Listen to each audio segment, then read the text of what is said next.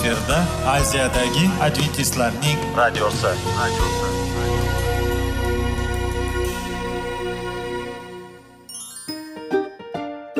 Assalomu alaykum aziz radio tinglovchilar. Sog'liq daqiqasi rubrikasiga xush kelibsiz.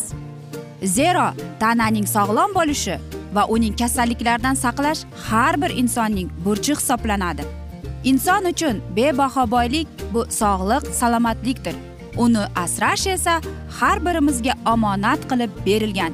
Shuning uchun ham inson o'z sog'lig'ini ehtiyot qilishi va ajib amallardan hisoblanadi.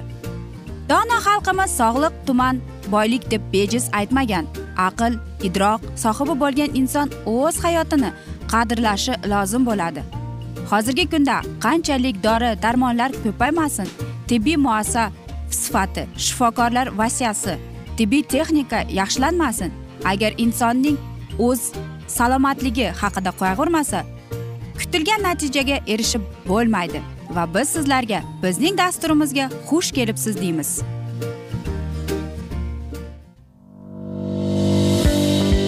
Sog'liq daqiqasi soliqning kaliti qiziqarli ma'lumotlar faktlar. Har kuni siz uchun foydali maslahatlar. Sog'liq daqiqasi rubrikasi Vegas.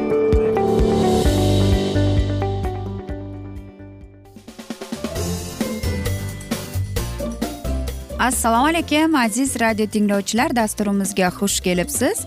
Va biz sizlar bilan qanday qilib sog'lom bo'lish kerak degan dasturda xush vaqt bo'ling deb aytamiz. Va bugungi bizning dasturimizning mavzusi his tuyg'ular va salomatlik deb nomlanadi.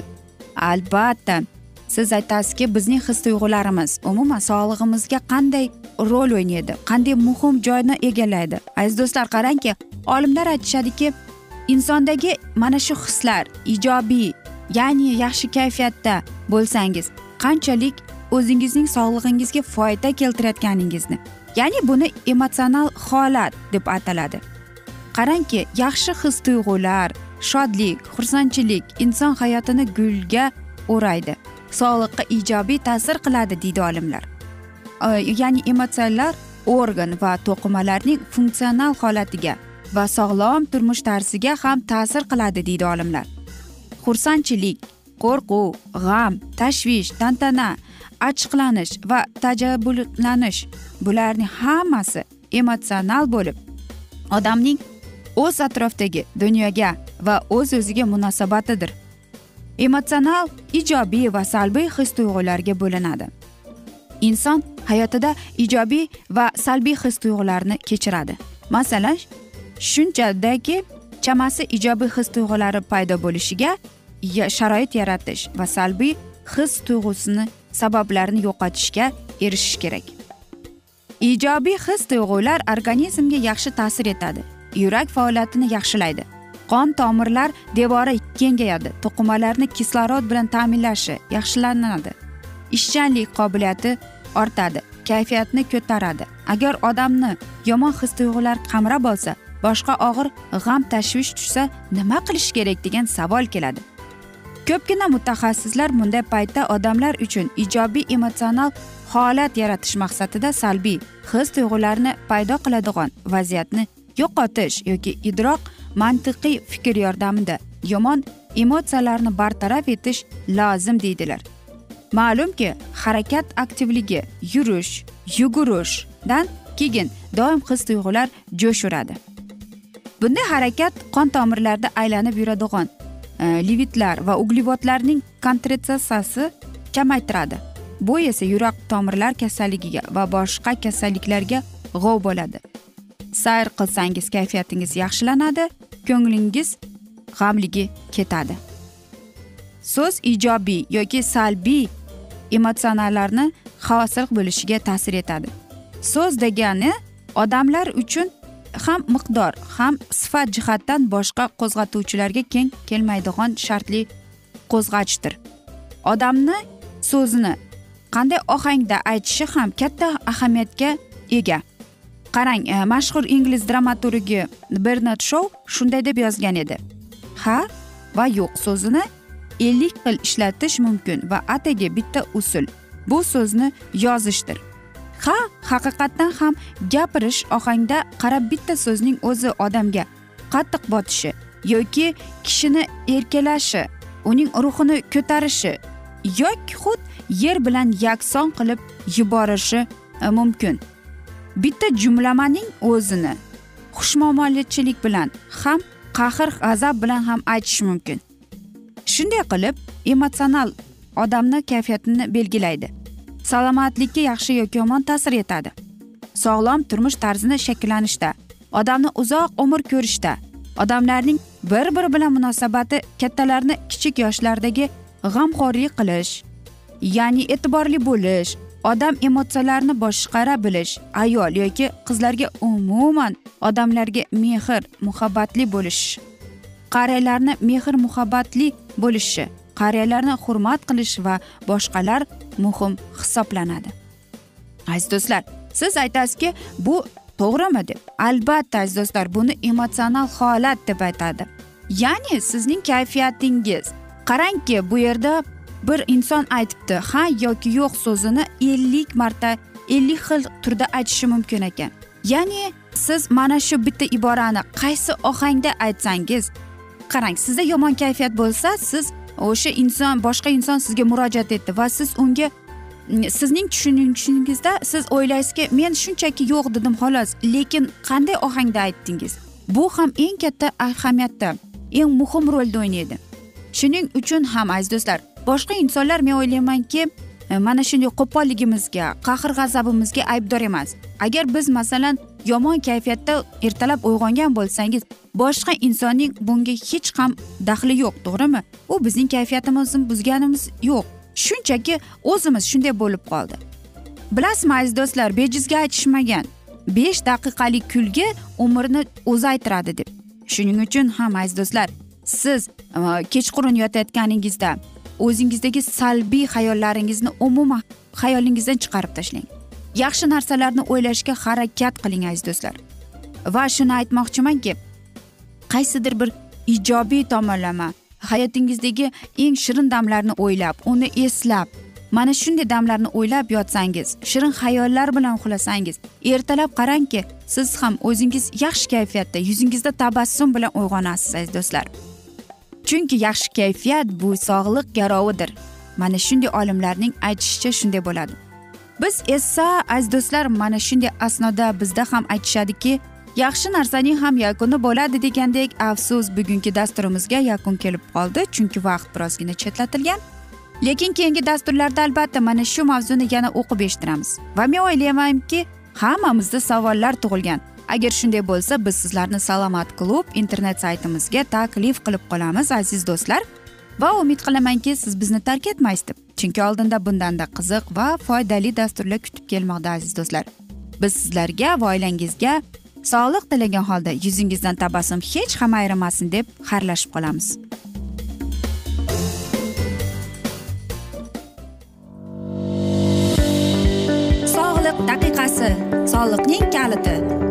Qiziqarli ma'lumotlar faktlar. Har kuni siz uchun foydali maslahatlar. Sog'liq daqiqasi rubrikasi.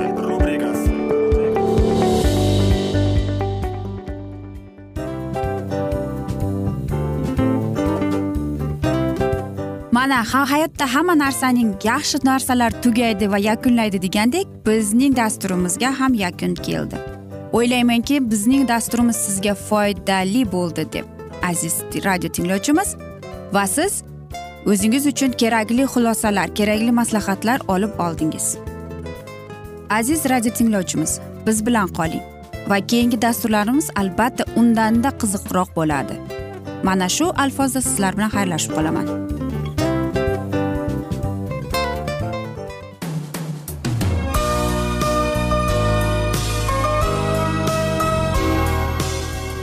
Efirda aziyadagi adventistlarning radiosi.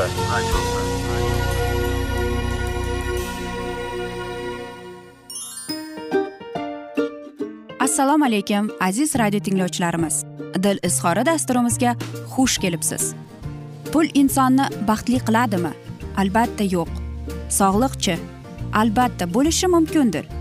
Lekin olimlar shuni isbotlashdiki to'liq va mukammal munosabatlar insonlarni baxtli qilar ekan.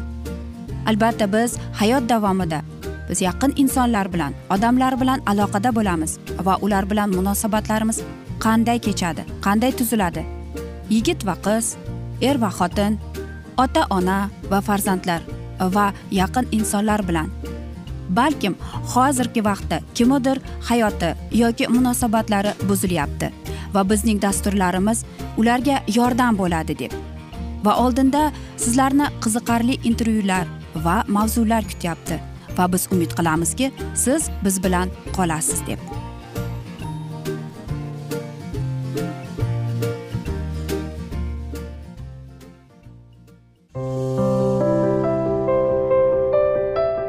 Har kuni har xil kasbdagi odamlar bilan sirlashish va bo'lishish sevgi rashq munosabat.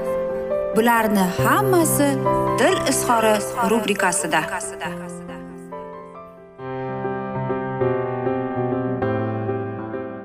Assalomu alaykum aziz radio tinglovchilar dasturimizga xush kelibsiz.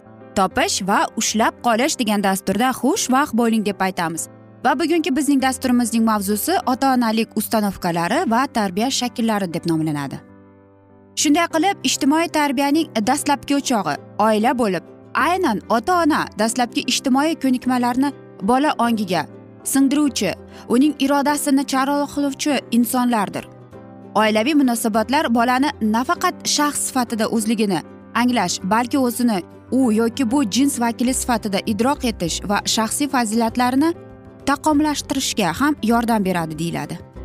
Bizning e, kuzatishimiz shuni isbotladiki oilaning to'liq bo'lishi ya'ni unda ham ota ona ham onaning tinchlik totuvlikda yashashlari va unda normal insoniy munosabatlar sog'lom ma'naviy muhitning mavjudligi bolaning har tomonlama yaxshi rivojlanishi sog'lom aqlli kuchli iroda sohibi bo'lib yetishiga imkon beradi deyiladi.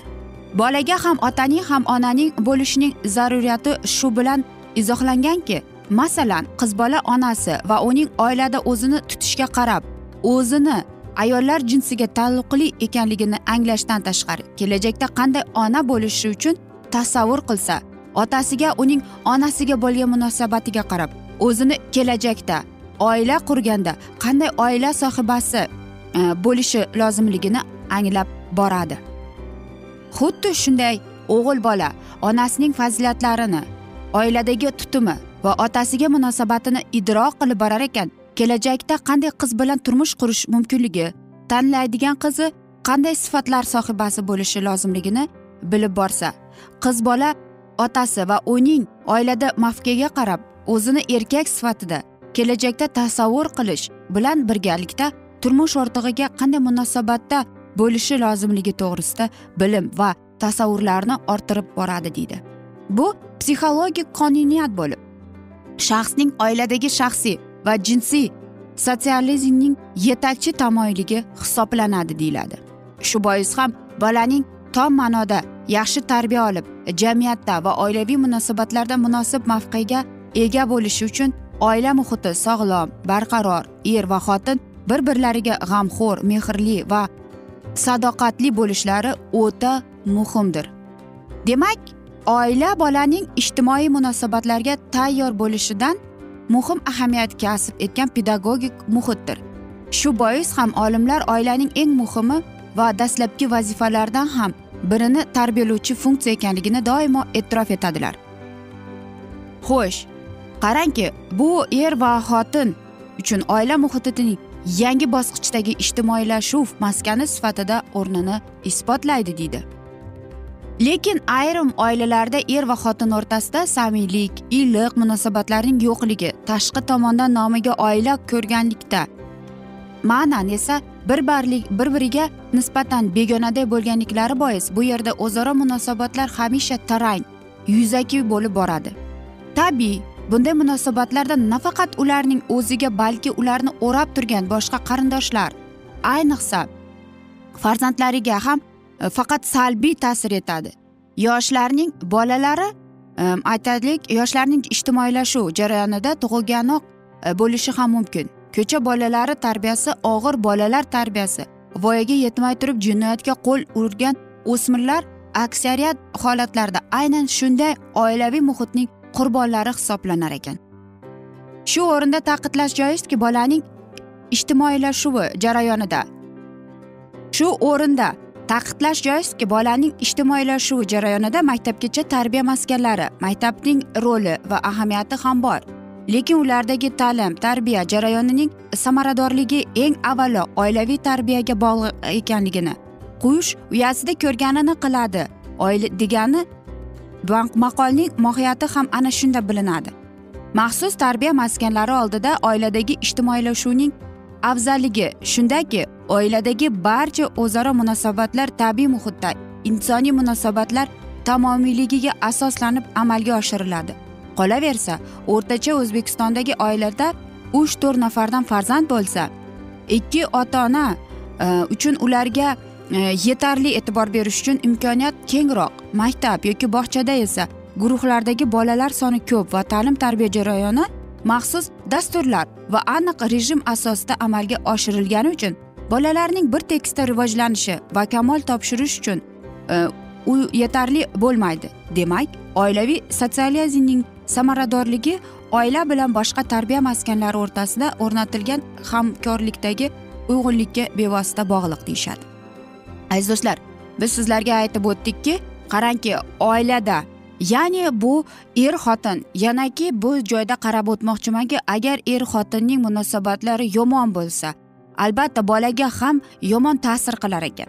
Va agar ajrashamiz deb turgan oilalarda ham bolaga qanday ta'sir qiladi? Ayniqsa o'spirin bolalarga ularda mana shunday vaqtda o'ta og'ir davr bo'ladi va uning ustiga ota onasi ajrashaman degan qarorga kelgan bo'lsa demak mana shunday tarbiyasi og'ir bolalar yoki ko'cha bolalari degan nomni oladi. Aziz do'stlar aziz ota onalar men o'ylaymanki hamma narsaning ham ilojisi bor. Hammasi bizning qo'limizda. Biz o'zimizni qanday tutamiz nima qilamiz? Lekin ajrashishdan oldin biz kattalar shuni unutmasligimiz kerakki o'rtada farzand bor aziz do'stlar. Shuning uchun nima bo'lgan chog'ida ham bir birimizning munosabatlarimizni yaxshilashga undaylik deymiz. Biz esa mana shunday asnoda afsuski bugungi dasturimizni yakunlab qolamiz chunki vaqt birozgina chetlatilgan. Lekin keyingi dasturlarda albatta mana shu mavzuni yana o'qib eshittiramiz va umid qilamanki bizni tark etmaysiz deb chunki oldinda bundanda qiziq va foydali dasturlar kutib kelmoqda sizlarni aziz do'stlar. Biz sizlarga va oilangizga tinchlik totuvlik tilab va albatta aziz do'stlar seving seviling deb xayrlashib qolamiz.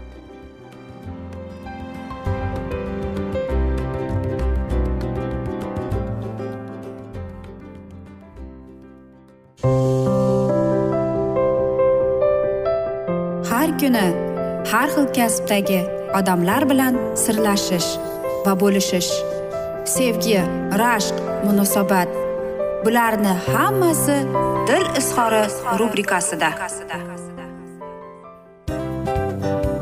Mana aziz radio tinglovchimiz bizning go'zal va foydali va chiroyli dasturimiz yakunlanib bormoqda.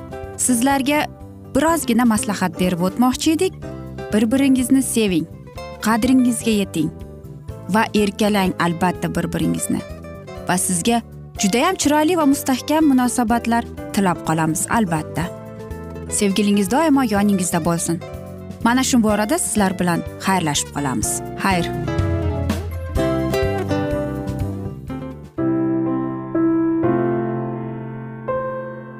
Hayotning noni. Qiziqtirgan savollar va javoblar. Buning hammasi ko'ngil uchun oziqa rubrikasida.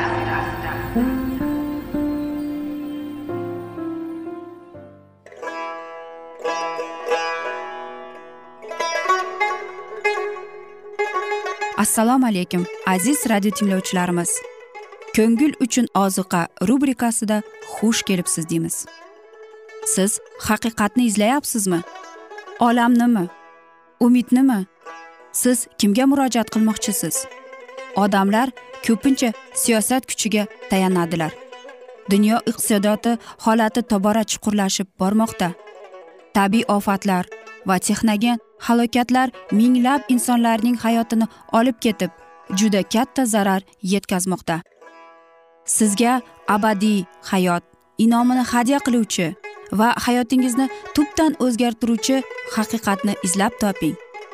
Xudo haqidagi haqiqat uning kalomida mujassamlashgan. Kimki bu haqiqatni butun qalbi bilan izlasa albatta unga yetishadi. Bu sevgi xudoning tarixidir. Hayotingizda yoki sizning yon atrofingizdagi olamda nimalar yuz berishidan qat'iy nazar? Siz ertagi kunga buyuk umid va ishonch hosil qilishingiz mumkin. Hozirda xudo sizga taklif qilayotgan umid ishonchga o'z qalbingizni oching va sizni qiziqtirayotgan mavzularni savollaringizga javoblaringizni topib olasiz deb umid qilamiz. Biz bilan qoling.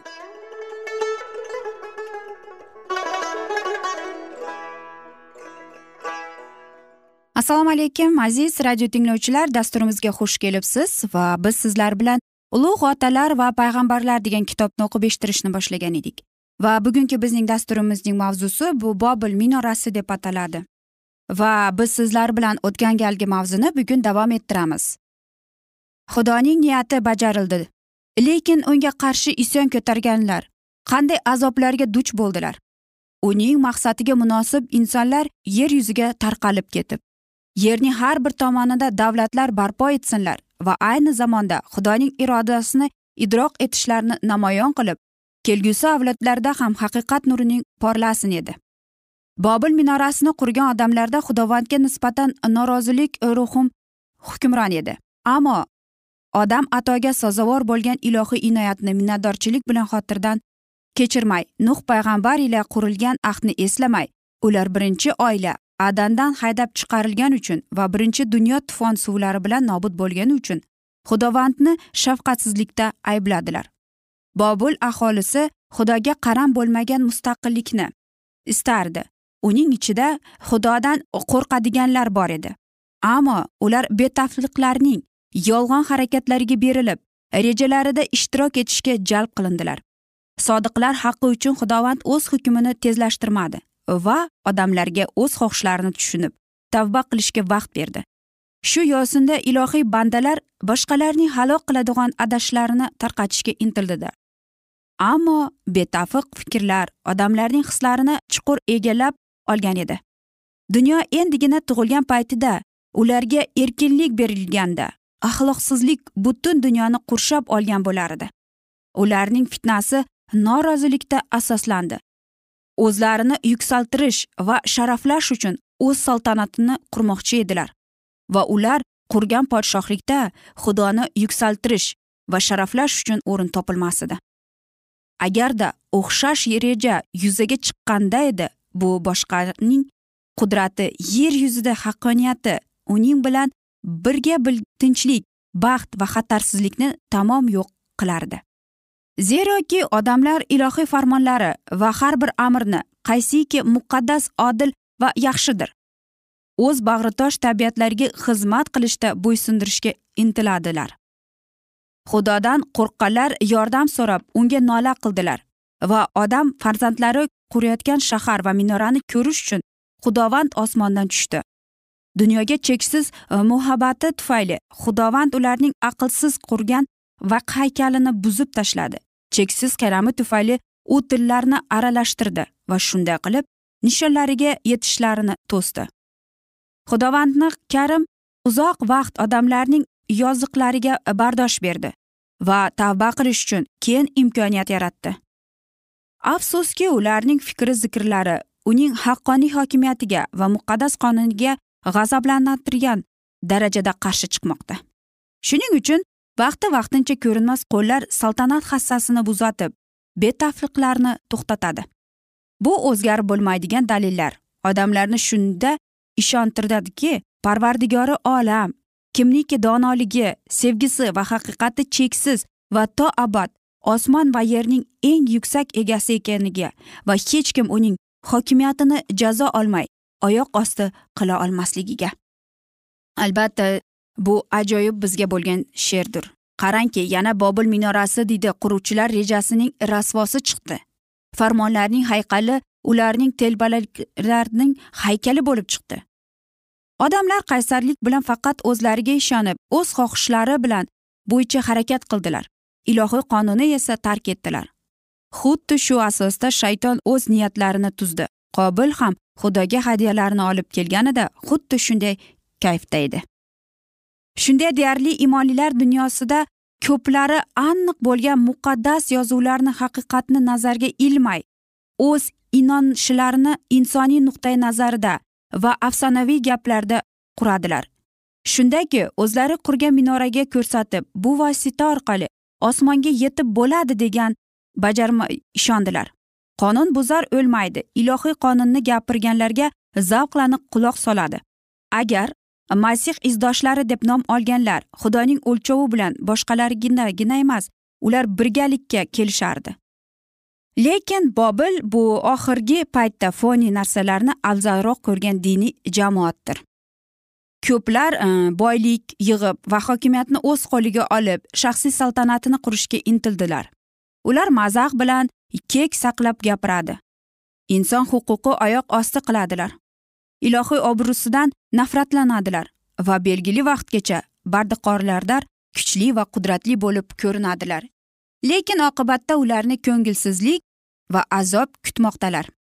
Ilohiy hukm qilish vaqti juda yaqin. Tezda parvardigori olam osmondan tushib inson o'g'illari nimalar ko'rganini ko'rmoqchi bo'ladi. U o'z oliy hokimiyatini namoyon etadi.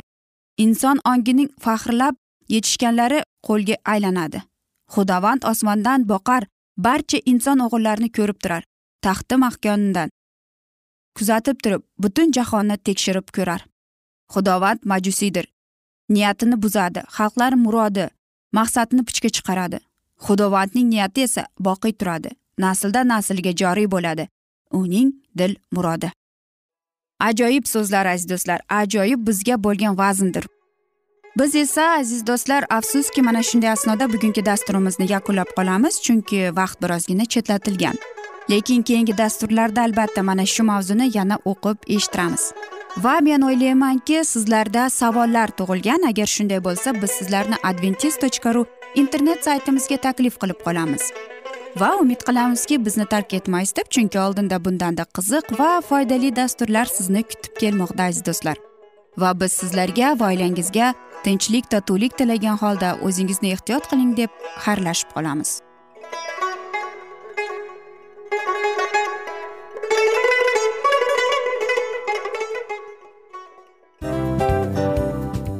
Afsus afsus.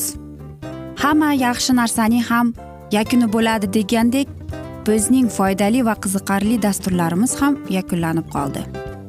Va men umid qilamanki bizning dasturlar sizga ozgina bo'lsada maslahat berdi foyda berdi. Va sog'liq borasida ayniqsa sizlarga foydali bo'ldi deb. Va siz bizning maslahatlarga amal qilasiz deb. Albatta keyingi dasturlarda undanda qiziqroq undanda foydaliroq ma'lumot berishga harakat qilamiz. Undanda qiziqroq ko'rsatuvlar sizlarga hadya etishga harakat qilamiz. Bizni tanlaganingizga albatta sizlardan minnatdormiz. Sizlarga baxt omad va sog'liq tilab qolgan holda mana shu alfozda sizlar bilan xayrlashib qolamiz. O'zingizni ehtiyot qiling sog' bo'ling omad sizga xayr.